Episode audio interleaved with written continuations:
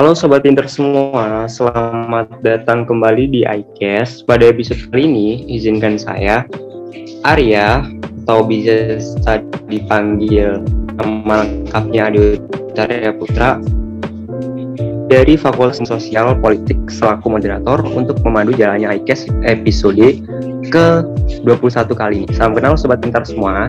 Nah, pada episode ke-21 ini, Tema yang akan kita angkat merupakan tema yang ramai banget dibicarakan oleh Kema Unpad. Apakah itu temanya? Tidak lain tidak bukan adalah ISMA.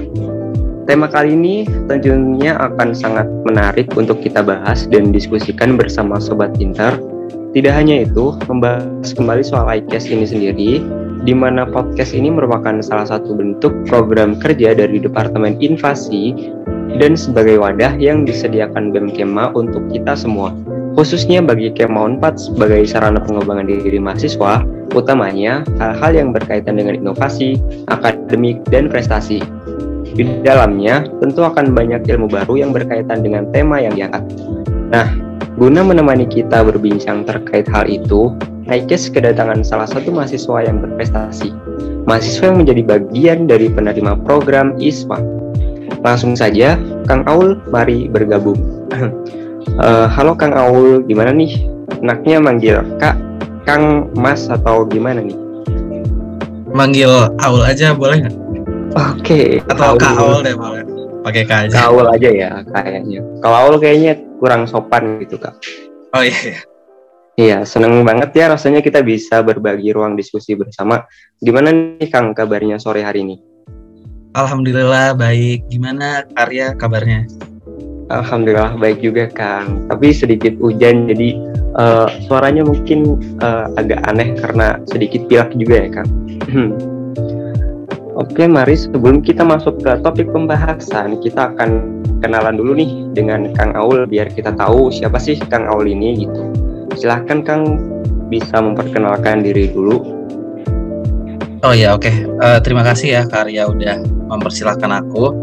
Um, halo teman-teman semua, uh, semoga di mana pun uh, kalian berada teman-teman dalam keadaan sehat sentosa ya kenalin aku Aulia Abdillah Hidayat biasa dipanggil Aul aku dari jurusan matematika FMIPA Universitas Pajajaran dan di sini aku sebagai salah satu awardee untuk program beasiswa ISMA ke National Taiwan University di Taipei. Salam kenal ya. Ya, salam kenal juga Kang. Oh, jadi Kang Aul ini uh, penerima awarding program ISMA di Taiwan ya. Untuk kalau iya, boleh tahu uh, program studi apa Kang? Matematika sama? Uh, enggak, kalau kita di Taiwan itu uh, program studinya uh, campur ya. Jadinya kita cuma pilih mata kuliah gitu. Oh, oke. Okay. Oke, okay, jadi sobat pinter kita udah tahu nih siapa Kang Aul dan uh, dia sebagai apa di Universitas Pajajaran. Uh, untuk kesibukan kali ini, Kang Aul lagi sibuk apa nih? Untuk saat ini aku nggak sehektik yang kemarin-kemarin ya dan setelah pulang dari Taiwan kemarin hmm. dari program ISMA, aku juga sekarang lagi fokus di akademik dulu sih di tugas akhir sih kalian. Oh, jadi Kang Aul ini udah pulang ya dari dari program ISMA-nya dari uh, kuliah student exchange-nya di Taiwan kemarin. Oh iya udah. Uh, waktu itu selama empat bulan sih, jadi udah pulang sih.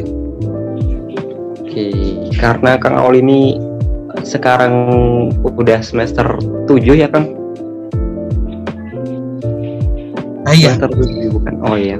Jadi kesibukannya ya uh, nyusun tugas akhir gitu ya untuk menuju kelulusan gitu. Iya pasti sih. Uh, Kayak uh, mahasiswa semester akhir aja gimana ya karya? Iya. Uh, selain kalau selain sibuk kuliah itu sibuk ngapain aja kang? Selain tugas akhir atau ada kesibukan lainnya gitu? Uh, kalau waktu itu sih ada magang jadi, sama jadi asisten dosen ya. Waktu itu ada jadi asisten dosen PPB di mata kuliah pendidikan agama, cuman udah selesai ya buat jadi asisten dosennya juga uh, magang-magang aku juga udah selesai uh, jadinya sekarang tinggal ini sih tinggal uh, mengejar tugas akhir sih untuk sekarang baik. Kalau gitu kan uh, kita pengen tahu nih soal program ISMA tadi seperti yang yang mau kita bahas. Ngomongin soal ISMA nih yang jadi tema kali ini ya Kang. Sebelum itu saya pribadi dan sobat pintar tentunya ingin tahu terlebih dahulu nih apa sih sebenarnya ISMA itu bisa dijelaskan Kang mungkin. Oke oke. Uh, jadi uh, program ISMA itu uh, sebenarnya baru ada di tahun 2021 ya, tepatnya di pertengahan 2021. Dan ISMA itu merupakan program beasiswa unggulan yang diinisiasi dan diselenggarakan oleh pemerintah Republik Indonesia dan dikelola secara terpusat oleh Kemdikbudristek RI. Di mana program ini untuk mendanai para mahasiswa di Indonesia khususnya pada program mobilitas di universitas mitra terkemuka di luar negeri. Jadinya nanti um, para mahasiswa yang terpilih itu dapat mengikuti proses pembelajaran di luar jurusan mereka maupun di jurusan yang sama pula selama satu semester untuk uh, mengembangkan komunikasi, mengalami keindahan pertukaran antar budaya negara, gitu ya. kemudian memperluas jaringan internasional, dan melakukan berbagai macam tugas praktis um, yang dapat meningkatkan kemampuan para ORD dan masih banyak lainnya. Dan kemudian program ISMA ini juga membuka kesempatan ya bagi mahasiswa untuk dapat mengambil mata kuliah ataupun kegiatan yang nantinya pada saat sudah selesai itu dapat disetarakan dengan mata kuliah di luar prodinya. Jadi dengan program ISMA ini uh, mahasiswa pun difasilitasi untuk uh, menjalani pembelajaran sesuai minat dan bakatnya sehingga setelah lulus program ini nantinya para awardee dapat bersaing dalam lapangan pekerjaan yang tidak hanya di ruang lingkup nasional namun juga lebih luas di tingkat global. Dan um, program ISMA ini juga menyediakan kesempatan juga bagi para mahasiswa tingkat sarjana dan tingkat vokasi. Dan tingkat vokasi ini baru ya tingkat vokasi ini baru di batch 2 ISMA yang dimulai dari um, awal tahun 2022 dan untuk syaratnya itu uh, kalau tidak salah yang mahasiswa tingkat sarjana itu semester 4 sampai 6 atau sampai 7 kalau di saat aku di batch 1 itu sampai semester 7 tapi kalau yang di 2022 itu dari semester 4 sampai semester 6 dan untuk um, program diploma 3 itu di semester 4 dan untuk di diploma 4 itu di semester 4 sampai 6 nah kegiatan yang dilakukan dalam uh, program ISMA ini sebenarnya beragam ya tergantung sama uh, kampus dan negara tujuan yang uh, kalian pilih. Misal kalau misalnya aku kan ke National Taiwan University.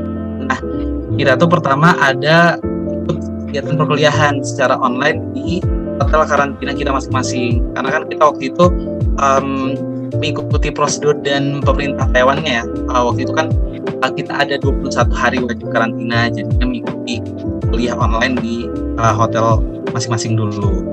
Dan setelah itu kita ada buat project secara langsung, uh, kemudian um, ada juga field trip dari berbagai matkul dan lain-lainnya. Begitu sih karya.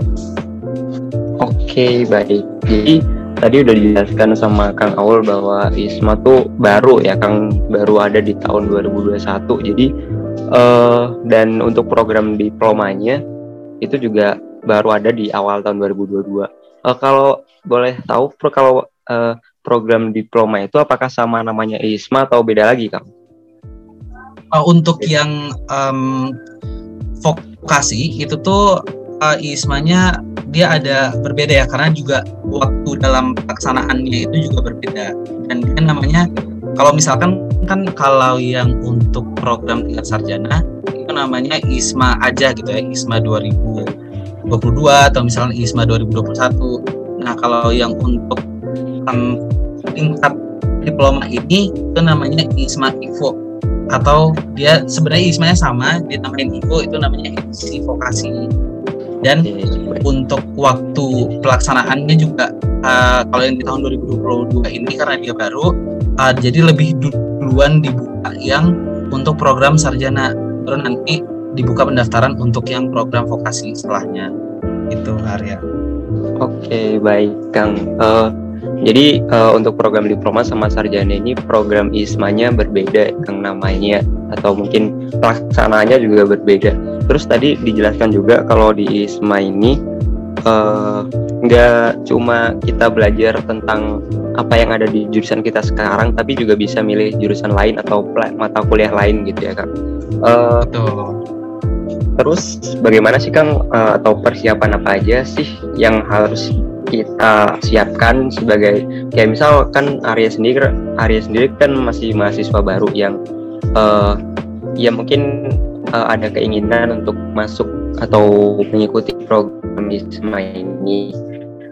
Nah, persiapan apa aja atau lah awal atau langkah apa saja sih yang harus disiapkan untuk mengikuti ISMA ke depannya gitu, Kang? Oke oke. Uh, untuk Oke, terima kasih pertanyaannya Karya. Nah untuk uh, persiapannya itu sebenarnya kita sedikit uh, berbeda ya dari untuk si seleksi 2021 dan juga seleksi 2022 dan kita pastinya mengacu dari yang terdekat dan terbaru ya di tahun 2022. Nah untuk persiapannya itu um, yang pertama ada seleksi berkas, kemudian ada tes survei kebinekaan atau semacam tes wawasan kebangsaan itu dan yang terakhir ada sesi wawancara. Tapi untuk si persiapannya itu memang um, ada berbagai dokumen yang dibutuhkan. Dan juga ada uh, berbagai apa ya berbagai berkas yang memang harus persiapkan secara matang. Kalau misalkan uh, benar-benar mau lolos dan untuk ikut ISMA ini. Dan kalau misalkan uh, dokumen yang dibutuhkan gitu ya untuk yang pertama itu ada study plan atau motivation letter. Nah untuk motivation letter ini uh, kalau di aku itu dibutuhkan untuk kantor internasional unpad kita. Jadi nanti mereka uh, membutuhkan motivation letter itu uh, nantinya untuk uh, mengeluarkan surat rekomendasi kita nantinya. Dan kalau motivation letter ini kebetulan dari universitas tujuan aku itu membutuhkan juga. Jadinya aku sekalian um, mengumpulkan motivation letter ini juga. Dan yang kedua itu ada transkrip nilai kita tapi dalam bahasa Inggris. Kemudian nanti ada surat rekomendasi yang telah bilang tadi dari fakultas dan universitas untuk surat rekomendasi ini. Dan uh, kemudian ada nomination letter dari Kemendikbudristek RI nantinya kalau misalkan kalian udah uh, keterima atau misalkan udah diumumin gitu ya udah jadi awardee dari universitas dan negara tujuan mana nanti akan diberikan nomination letter. Dan juga nanti kalau misalkan udah keterima kita harus menyiapkan foto yang sesuai untuk visa kemudian harus menyiapkan paspor um, kemudian harus menyiapkan bukti uh, asuransi kesehatan kemudian ada um, mengisi form pendaftaran dari universitas masing-masing, terus ada form kesehatan dari universitas masing-masing, dan juga nantinya ada uh, untuk yang dari ISMA sendiri itu kita harus nyiapin uh, declaration form ya, dan formatnya itu udah ada langsung di website ISMA-nya. Jadi uh, declaration formnya itu kayak misalkan menyatakan diri kita bersih dari narkoba, terus um, tidak ada keterlibatan dalam kekerasan seksual, kalau nggak salah terus ada satu berkas lagi. Dan itu semua udah ada um, formatnya di uh, website ISMA sendiri. Dan juga yang pasti harus ada English test ya. Dan uh, memang agak sedikit berbeda. Dan untuk TOEFL ITP itu sudah tidak diperbolehkan lagi. Dan untuk yang sekarang itu English testnya itu ada di IELTS TOEFL IBT sama Duolingo English Test. Dan untuk di IELTS itu minimumnya itu skornya 6 dan TOEFL IBT skornya 78 dan Duolingo itu kalau nggak salah minimalnya 100. Dan yang pasti uh, setiap universitas dan negara tujuan itu memiliki syarat berkas tes uh, English dan nilai minimum yang berbeda-beda ya. Misalkan kalau misalkan mau ke uh, universitas di Leeds misalkan itu tuh nggak memperbolehkan Duolingo misalkan yang diperbolehkan hanya tes IELTS dan TOEFL IBT dan juga minimum tesnya misalkan uh, kalau yang lain ada yang 6 kalau misalkan ada universitas di Singapura itu misalkan IELTS-nya 7,5 misalkan. Jadi uh, nanti bisa teman-teman lihat di daftar uh, universitas yang tersedia yang ditunjuk dari Kemdikbud RI-nya yang mana yang pas gitu sih kalau misalkan yang untuk uh, persiapannya karya buat yang Oke, seleksi? baik. Uh, kita sudah tahu ya uh, persiapan persiapannya mungkin banyak banget tadi dari seleksi berkasnya uh, mulai dari uh, motivational letter sampai kayak tes TOEFL years sama Duolingo tadi. Uh, terus uh, cara belajar kita mungkin kan kalau kita mau mengikuti uh, program ini apalagi kan kayak belajar di luar kita kan harus bisa berbahasa Inggris ya Kang. Nah, itu akan tuh uh, mulai belajar Inggris uh, dari mulai kuliah atau udah dari SMA atau baru-baru nih Kang? Untuk bela untuk Oh, belajar bahasa Inggris. kalau uh, kalau aku sih belajar uh, bahasa Inggris ini dari ini ya dari udah dari kecil ya emang dari keluarga juga udah uh, menyiapkan kursus juga tapi uh, selama itu pastinya kita juga nambahin sendiri-sendiri ya. Maksudnya kayak uh, misalkan kalau aku nih buat si belajar bahasa Inggrisnya itu pasti kan tiap orang berbeda-beda ya gimana nyamannya belajar bahasa Inggris seperti apa gitu kan. Apalagi nanti kalau misalkan negara yang kalian pilih bukan negara yang berbahasa Inggris official gitu ada bahasa lainnya misalkan kayak di Hungaria atau di uh, negara lain.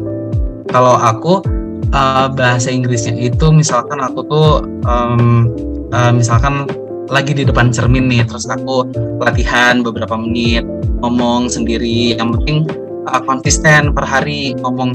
Uh, biar itu tuh untuk apa ya untuk membangun kepercayaan diri kita buat ngomong bahasa Inggris. Nanti dari sana baru kita uh, sambilan latihan juga ngomong bahasa Inggris dengan orang lain. Jadi bisa saling melengkapi.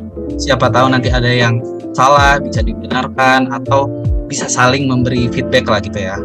Ataupun uh, aku tuh biasanya juga nonton film atau baca artikel dalam bahasa Inggris. Ini juga uh, menurut aku lumayan ampuh sih ya karena kita jadi bisa tahu kosakata kosakata mana yang agak membingungkan gitu ya dan nanti lama kelamaan bisa jadi ngerti lah oh buat nonton film yang dubbingnya bahasa Inggris tanpa subtitle Indo ataupun Inggris. Dan uh, menurut aku supaya terbiasa lagi ya dengan bahasa Inggris itu bisa juga nih dengerin podcast ataupun um, musik yang berbahasa Inggris. Terlebih lagi kan kalau podcastnya itu uh, pilihan topiknya banyak ya dan mungkin bisa nambah semangat belajar bahasa Inggris kita juga kalau uh, ada bahasan sesuatu yang sesuai gitu sama passion atau hobi kita. Dan yang paling penting itu dilakukan um, secara disiplin cepat nempel dan terus coba biasain segala sesuatu itu diresponnya pakai bahasa Inggris. Misal nih kalau baru uh, beres makan siang gitu ya terus bilang kayak I have just finished my lunch dan berbagai kegiatan lain gitu. Jadi kita juga jangan takut salah sih yang paling penting pede aja dulu namanya juga belajar kan ya wajar. Bahkan yang native Inggris juga yang British juga mungkin ada salah pengucapannya mungkin ya tapi kan benefit yang didapat dari kita bisa bahasa bahasa Inggris juga banyak gitu. dan aku saranin sih buat belajar bahasa Inggris ini juga um, harus diluangin ya waktunya ya. Seluangnya kaliannya aja misalkan um, per hari ada waktu satu jam ataupun dua jam. Karena kalau kita um, mau belajar bahasa Inggris ada target malah lebih cepat gitu nanti bisa nguasainnya. Misal dalam ini contoh aja misal dalam satu minggu ini aku harus sudah uh, bisa ngenalin diri aku sendiri nih selama dua menit dalam bahasa Inggris. Atau dalam tiga minggu ini aku udah paham nih dengan tensis ini serta um, penerapannya gimana gitu di kehidupan sehari-hari apalagi sekarang banyak kan wadah untuk belajarnya ada bisa dari YouTube aplikasi aplikasi berbahasa yang gratis dan juga lainnya masih banyak lagi itu sih karya Oke, baik. Kita sudah tahu ya teman-teman jawaban dari Kang Aul tadi uh, belajar bahasa Inggris untuk persiapan uh, beasiswa atau untuk menunjang pendidikan kita juga. Uh, tadi intinya kita tuh harus uh, membiasakan diri berbahasa Inggris dalam kegiatan sehari-hari entah itu nonton nonton nonton film, dengerin podcast, dengerin musik dan lain sebagainya. Nah, terus nih Kang, uh, tadi kan dibilang Isma tuh masih baru ya. Nah, motivasi Akang ikut ISMA tuh apa sih Kang? Kan nggak mungkin ya kalau misal Akang dari SMA udah pengen kayak uh, ikut ISMA gitu atau mungkin Kang Aul dari SMA-nya udah pengen kayak nanti pengen keluar negeri gitu pendidikan di luar negeri gitu Kang. Nah, uh, alasan mengikuti program ini itu uh, kenapa? Oh, oke okay, oke. Okay.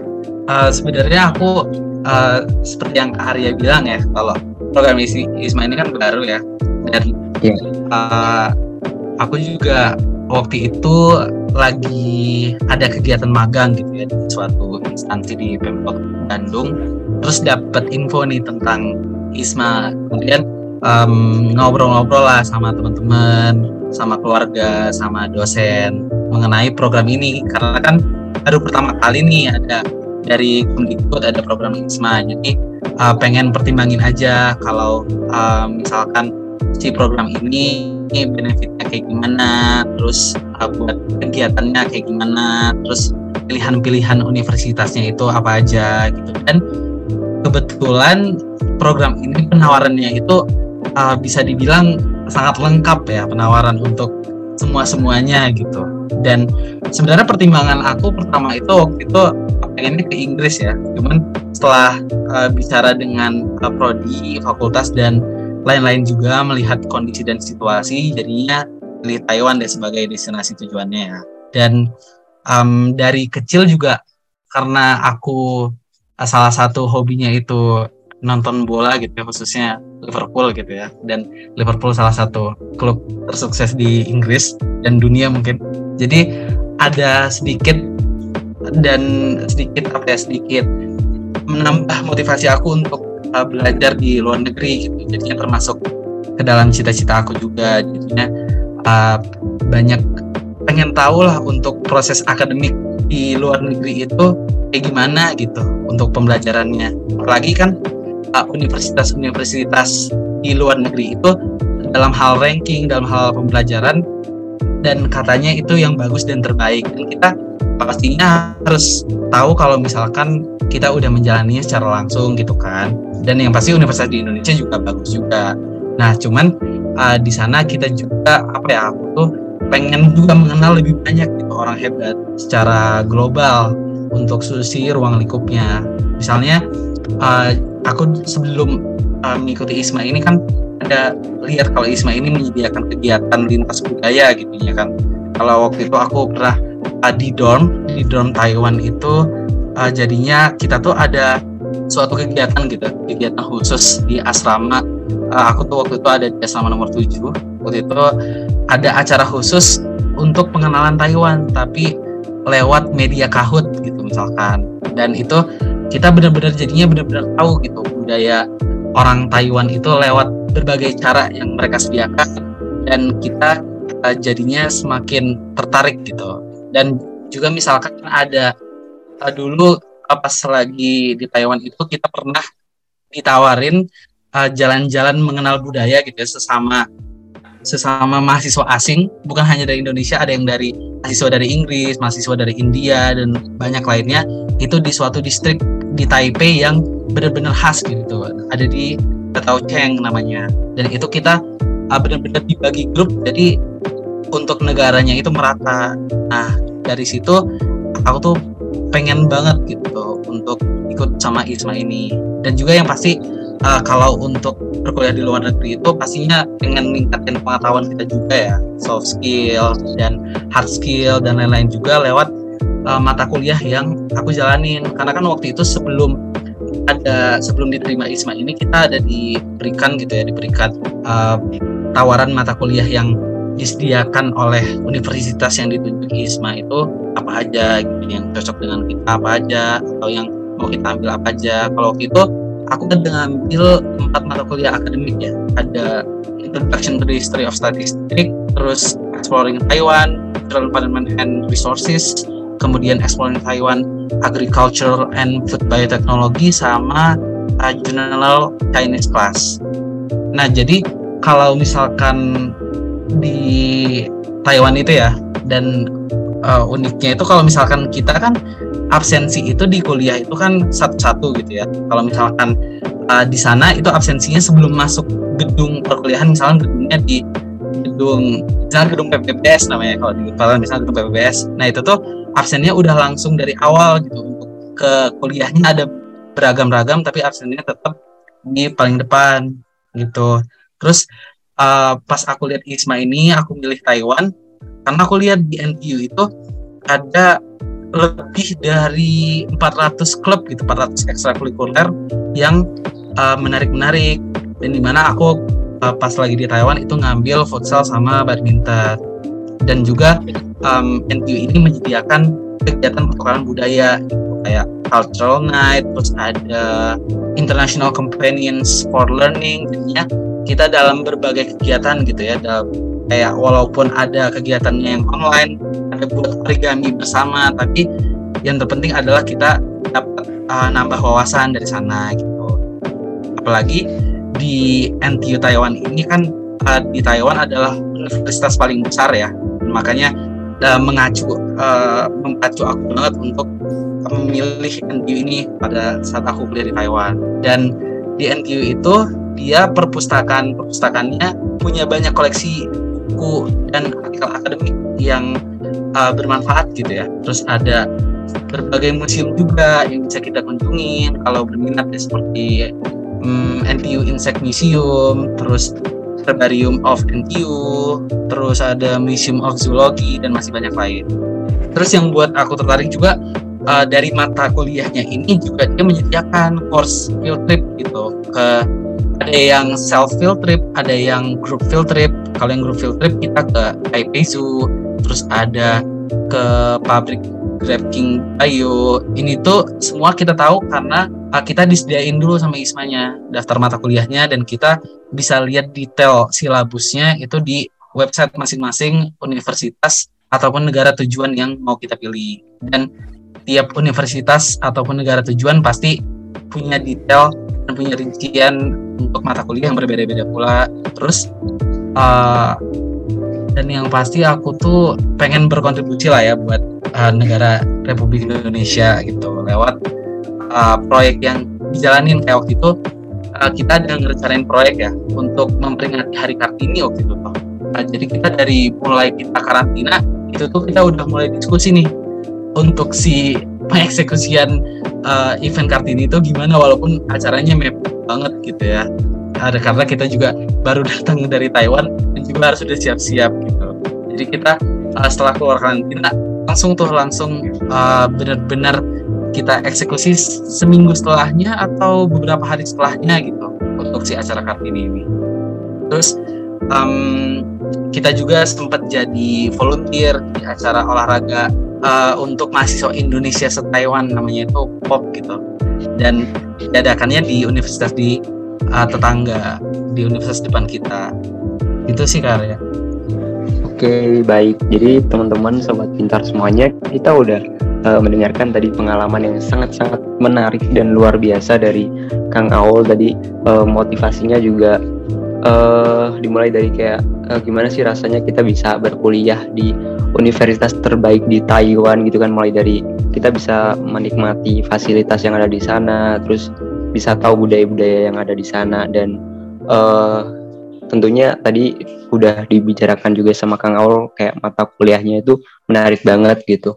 Nah, dari motivasi Kang Aul yang tadi dan keinginan Kang Aul untuk mengikuti program ISMA ini uh, pasti untuk mengikuti program ini pasti ada banyak tantangan gitu Kang gitu kan Kang jadi uh, mungkin bisa dijelaskan juga uh, apa aja sih tantangannya gitu kan untuk men mendapatkan program uh, ISMA ini gitu.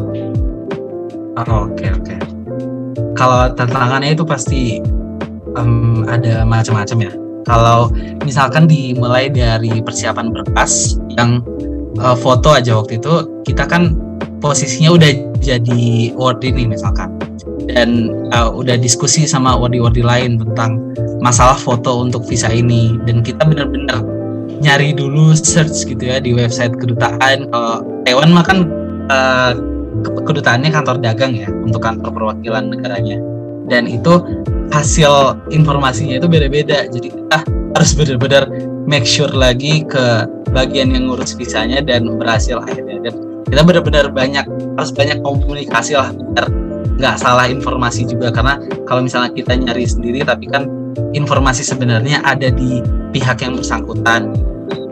Terus alhamdulillahnya untuk berkas-berkas yang dari universitas itu kayak uh, surat rekomendasi gitu ya kayak uh, dan surat-surat lainnya itu lancar gitu ya. Untuk tuh bener-bener memfasilitasi memfasilitasi kita banget gitu dari dari awal sampai akhir yang ingin mendaftar ISMA dan apa ya setiap berkas apa pun yang kita perlukan dari fakultas ataupun dari jurusan sekalipun dari universitas itu tuh selesainya cepet gitu jadinya cepet dan uh, ini juga sebenarnya jadi motivasi ya motivasi sendiri buat kita gitu yang um, buat buat kita jadinya biar lebih serius dan giat lagi dalam menjalani seluruh seleksi yang diadakan oleh tim ISMA. Sama kalau yang uh, persiapan berkas kan kita ada ada nyiapin esai juga ya. Kalau yang misalnya esai itu uh, apa ya memang pertanyaannya itu buat kita pikir panjang gitu ya untuk uh, memberikan jawaban yang tepat itu seperti apa ya kan.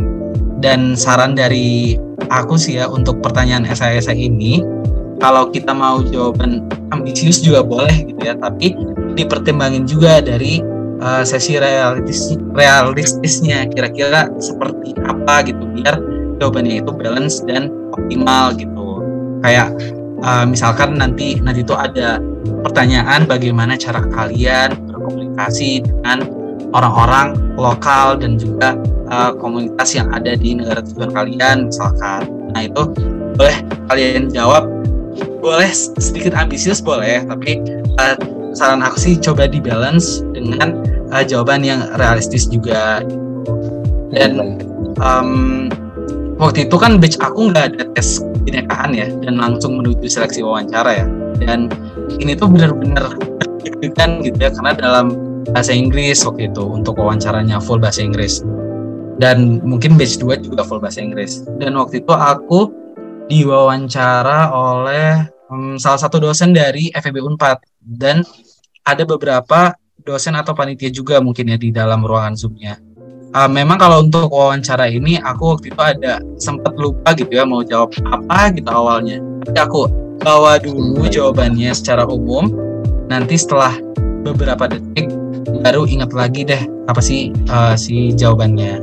Terus uh, misalnya teman-teman udah jadi award ini dan yang pasti kan uh, mungkin ya secara umum mengurus si visanya itu kan ke Jakarta gitu ya ataupun di kantor kedutaan yang ada di beberapa kota lain.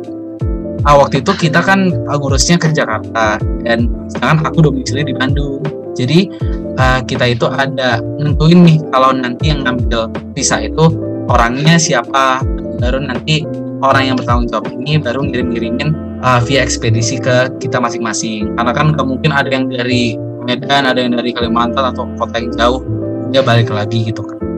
Nah, makanya uh, kita saling membantu gitu. Apalagi untuk si persiapan berkas ini uh, benar-benar apa ya benar-benar diarahin gitu dari dari fakultas, dari universitas, dari kantor unit internasionalnya itu benar-benar kita dibimbing gitu untuk persiapan berkasnya, persiapan esai, persiapan wawancaranya dan lain-lain.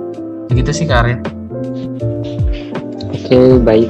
Kak Aul tadi udah dijelasin tantangan-tantangannya gitu kan mulai dari kayak uh, seleksi bekar apa nyiapin berkasnya gitu terus dari tadi uh, wawancaranya juga dan lain sebagainya gitu kan. Nah, uh, kemudian cara menghadapi tantangan yang ada tadi itu gimana sih Kang gitu? Mungkin bisa dijawab. Oke, oke. Nah, untuk yang uh, buat yang persiapan tadi uh, ini ya kalau misalnya persiapan berkas itu yang pasti kalian harus teliti sih harus benar-benar dicek and recheck and recheck karena dulu um, ketua uh, dari apa Dokter Roni itu uh, ketua eh kepala kantor unit nasional selalu mengingatkan kita semua ya yang ikut mendaftar ISMA itu untuk benar-benar cek and recheck and recheck berkas apa saja yang diminta, apa saja yang diperlukan oleh panitia ISMA itu. Jadi kalau misalkan ada uh, berkas yang uh, kurang dibikin rangkap dan sebagainya. Dan yang pasti untuk esai yang tadi ya, yang esai itu kalau bisa uh, kalian itu uh, minta pendapat dari teman atau pendapat dari uh, mungkin dari mungkin ada dosen kalian yang benar-benar ahli dalam bahasa, segi bahasa ataupun dari segi materi itu bisa diminta uh, untuk apa ya, untuk feedbacknya gitu bagian di esainya dan kemudian untuk yang uh, tes kebinekaan itu benar-benar harus uh, latihan dan sering baca-baca uh, dari internet mengenai kebangsaan sih siapa tahu uh, untuk si ilmu PKN-nya itu sedikit lupa gitu ya dan mengingatkan lagi untuk persiapan si tes kebinekaan tes kebinekaan ini. Dan untuk wawancara uh, itu kalau dari aku sendiri waktu itu ada lihat juga ya lihat referensi dari uh, YouTube kemudian ada aku ngehubungin ada dulu pada saat aku magang gitu ada teman yang um, dia ikut student exchange ke salah satu uni universitas di Korea. Dan aku juga uh, sempat minta pendapat dari dia itu seperti apa gitu untuk uh, bisa lolos seleksi ke luar negeri itu seperti apa. Dan untuk pada saat di sananya gitu ya di sana di negaranya masing-masing itu pasti uh, tantangannya itu pasti beda-beda ya. Pasti tergantung negara dan uh, universitas tujuannya masing-masing. Kalau misalkan dari aku itu selama program ISMA yang menjadi tantangan itu bahasa ya kalau aku ya. Karena di Taiwan itu kan bahasa utamanya Mandarin bukan Inggris. Walaupun banyak juga yang bisa bahasa Inggris. Jadi selama aku beli keperluan sehari-hari itu aku tuh selalu berusaha pakai bahasa Mandarin itu yang basic. Walaupun sebelum ke Taiwan benar-benar sama sekali belum tahu ya apa-apa tentang bahasa Mandarin kan tapi ya campur-campur lah dan aku sangat terbantu gitu oleh kelas bahasa Cina yang diadakan oleh NTU dan juga bantuan dari um, teman-teman yang bisa bahasa Mandarin selama program ICMA ini. Jadi menurut aku sebelum kalian pilih universitas yang mau kalian tuju, itu kalian harus apa ya kalau misalnya kalian um, menuju yang bukan hanya bahasa Inggris gitu universitasnya untuk dominannya bahasa lokalnya itu menurut aku kalian harus udah bisa basic-basicnya lah gitu. Walaupun cuman sedikit gitu biar uh, ngebantu kalian di kehidupan sehari-harinya. Terus kan waktu itu uh, di Taiwan lagi musim semi gitu ya. Jadi kondisi cuacanya bener-bener gak terprediksi gitu ya. Jadi kita gak nyangka aja gitu. Misal hari ini lagi hujan lagi dingin banget gitu ya. Tiba-tiba di hari ke depan eh nggak tahu tiba-tiba uh, panas lagi tiba-tiba dua hari lagi dingin lagi tiba-tiba panas lagi. Jadinya kita juga nggak expect gitu. Apalagi pas lagi di hotel karantina itu kita baru baru nyampe terus beberapa hari kemudian uh, rasanya tuh dingin banget. Apalagi lebih baik itu malah hidup AC daripada nggak hidup AC gitu biar hangat badannya. Jadi syukur banget waktu itu dapat bantuan dari kantor internasional jadi mereka uh, memberi masing-masing award. Itu ada penghangat gitu buat kita taruh di bagian tubuh gitu kan. Dan uh, yang pasti mungkin untuk yang sekarang-sekarang yang universitas dan uh, negara yang kalian tuju mungkin untuk sekarang situasi COVID-nya juga udah nggak terlalu parah mungkin ya. Jadinya untuk prosedur dan peraturan yang uh, untuk karantina dan lain-lainnya itu mungkin sedikit longgar. Jadi itu berpengaruh juga sama nanti di uh, persiapan berkas kalian. Gitu sih karya.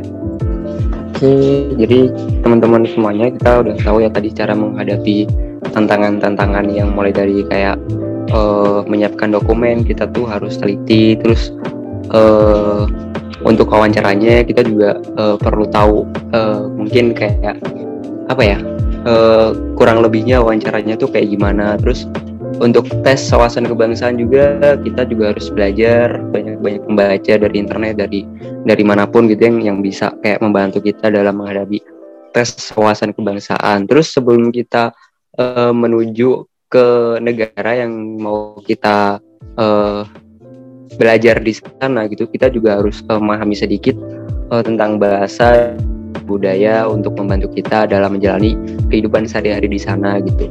Dan Betul. selanjutnya nih Kang, uh, benefit-benefit yang didapetin nih.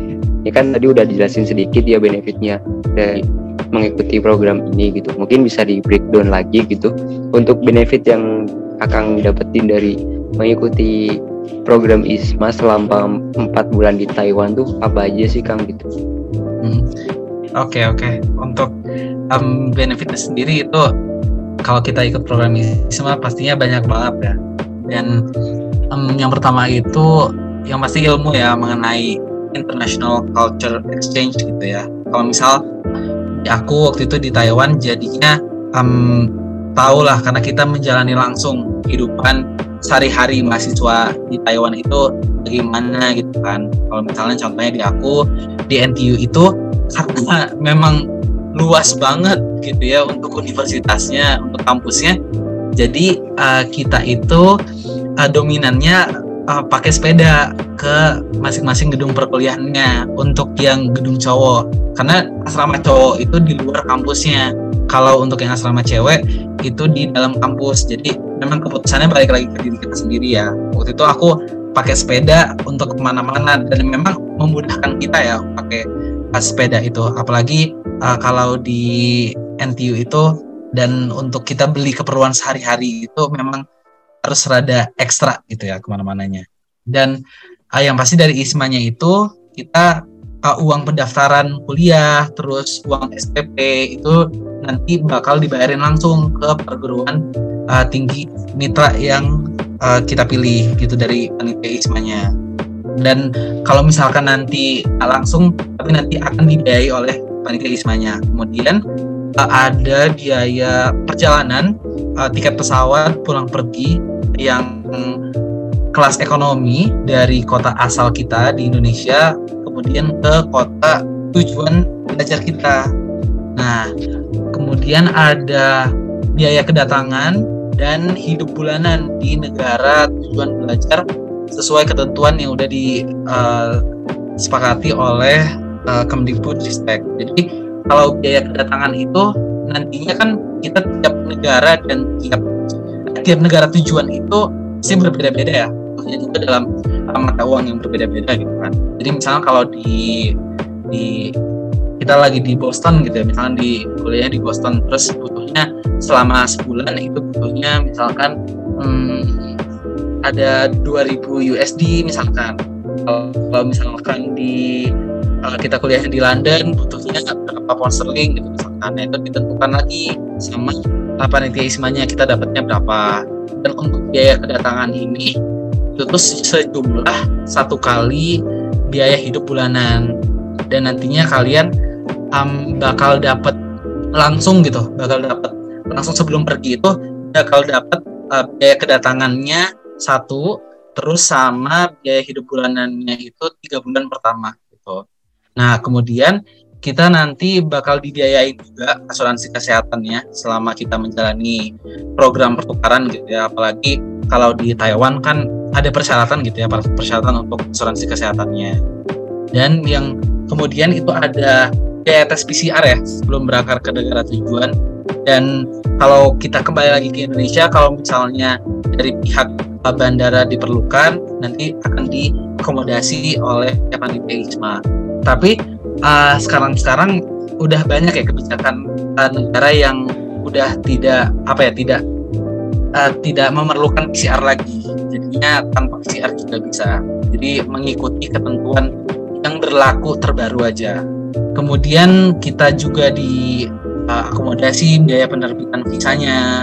Kemudian untuk uh, karantina juga kita dibiayain. Apalagi waktu itu aku yang karantinanya wajib 21 hari gitu ya 14 hari wajib di hotel uh, hotel yang untuk karantinanya. Kemudian tujuh hari itu kita uh, self quarantine kita benar-benar karantina mandiri tapi udah disediain oleh uh, kampus aku gitu. Dan itu semua uh, biayanya di cover sama ISMA dan juga kalian misalkan kalau ada ada darurat gitu ya misalnya lagi ada bencananya bencana alam gitu ya kalian tempat atau gimana uh, dan butuh bantuan uh, bantuan biaya dan itu bakal diakomodasi juga oleh panitia ISMA. Uh, dan juga uh, benefit uh, selain pendanaan gitu ya dan kita juga bisa dapat teman-teman yang keren gitu ya apalagi kalau di asrama aku itu satu kamarnya itu isinya empat orang gitu ya. Walaupun uh, tempat tidur dan meja belajarnya itu udah disiapkan masing-masing gitu. Jadinya kita kita kan pasti komunikasi sering gitu tiap hari gitu kan. Jadinya bisa melatih bahasa asing kita gitu. Nah, hanya bahasa Inggris tapi bahasa lokal yang mereka gunakan kita juga jadi bisa terbiasa gitu di sana.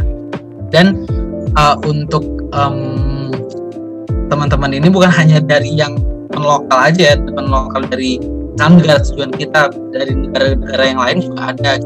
Kan dari teman-teman ISMA kita juga ada gitu yang bisa uh, apa ya kita ajak untuk explore gitu banyak tempat yang ada Taiwan gitu untuk nambah wawasan dan juga pengalaman kita.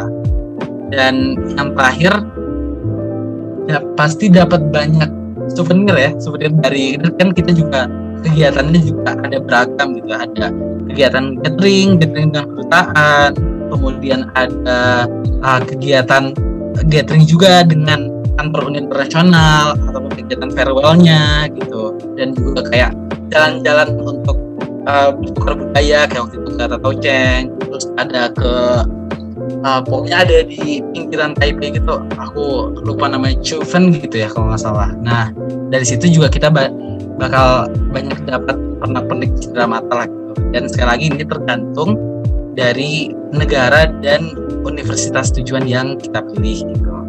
Itu sih karya Oke baik, tadi uh, sangat luar biasa, menarik banget ya dari uh, pengalaman yang didapetin Kang Raul dan banyak banget benefit yang didapetin dari uh, mengikuti program ISMA ini gitu. Nah, bagi kema apa teman-teman sobat pinter semuanya dan bagi kema Unpad semuanya, um, mungkin dari Akang Awal sendiri bisa memberikan uh, motivasi kepada kema Unpad untuk uh, mereka tuh biar kayak semangat gitu dalam mengejar prestasinya gitu. Oke. Okay, Oke, okay, kan dari teman-teman kita kayak aku di kalangan maba tuh masih kayak bingung gitu. Yeah. Uh, nantinya mau ke mana gitu, nantinya harus ngapain gitu. Nah mungkin ISPA ini bisa menjadi salah satu tujuan bagi kita Kema Unpad untuk uh, mengejar hal itu gitu kan.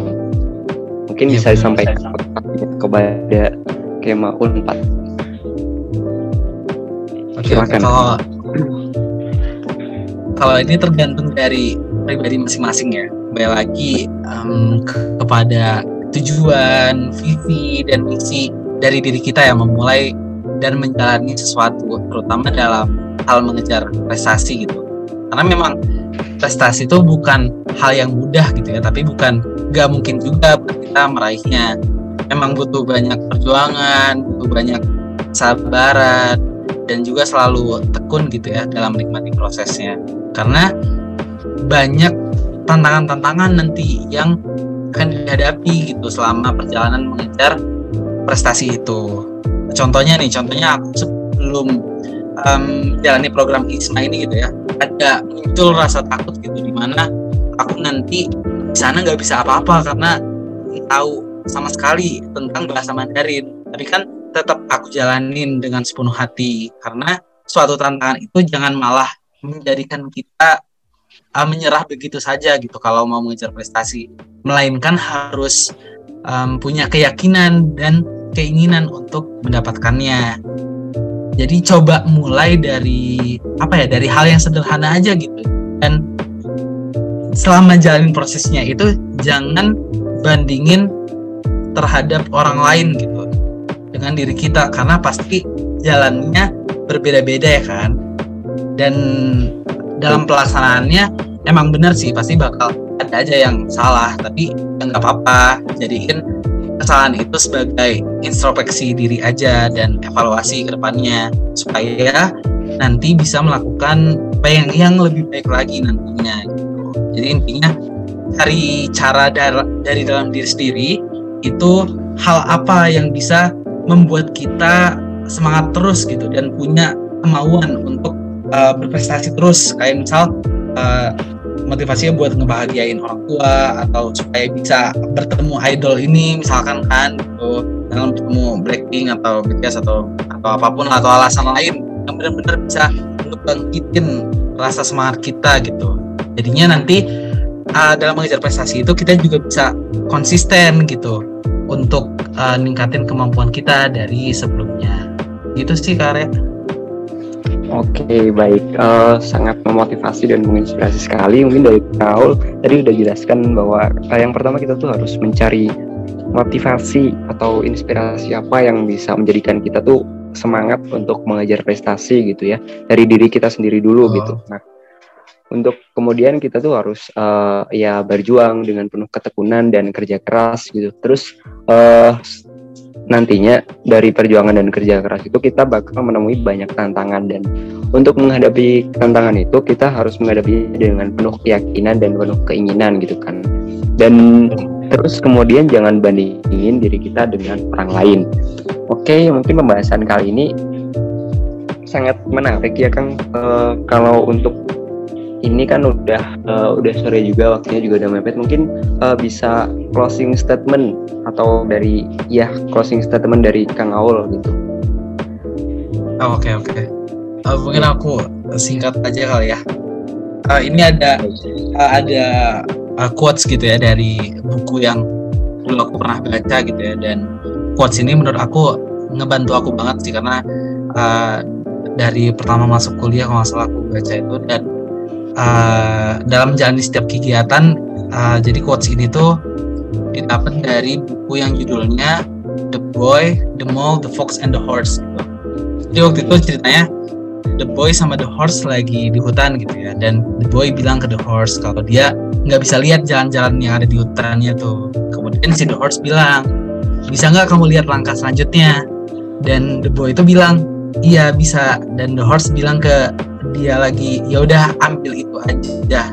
Jadi intinya mungkin selama ini selalu kita lihat apa ya tujuan akhir kita gitu. Kita lihat masa depan kita kita lihat seberapa panjang perjalanan yang harus kita tempuh gitu ya.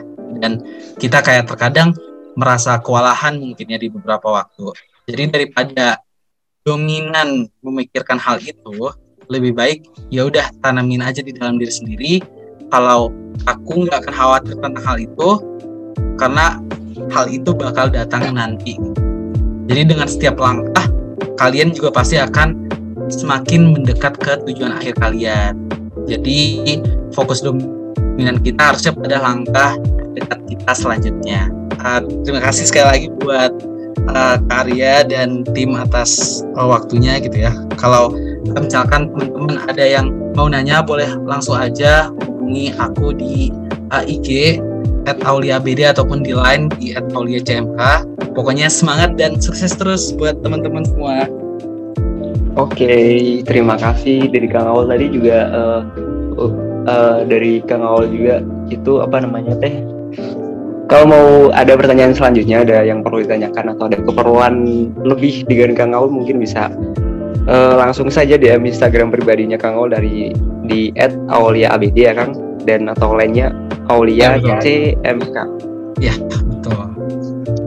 Oke, okay, uh, eh, ya tadi dari apa closing statementnya mungkin bisa pahami bahwa kita tuh jangan lihat tujuan ke akhirnya kita. Mungkin tujuan akhir kita tuh nggak kelihatan, tapi yang bisa kita lihat itu yang ada di depan mata kita gitu. Dan itulah yang harus kita ambil supaya kita tuh lebih dekat sama tujuan kita gitu. Betul ya kak? Betul. Oke, uh, terima kasih banyak Kang Au telah menyempatkan diri untuk membersamai kita di podcast kali ini. Pokoknya seru banget, banyak ilmu-ilmu baru yang didapatkan tentunya.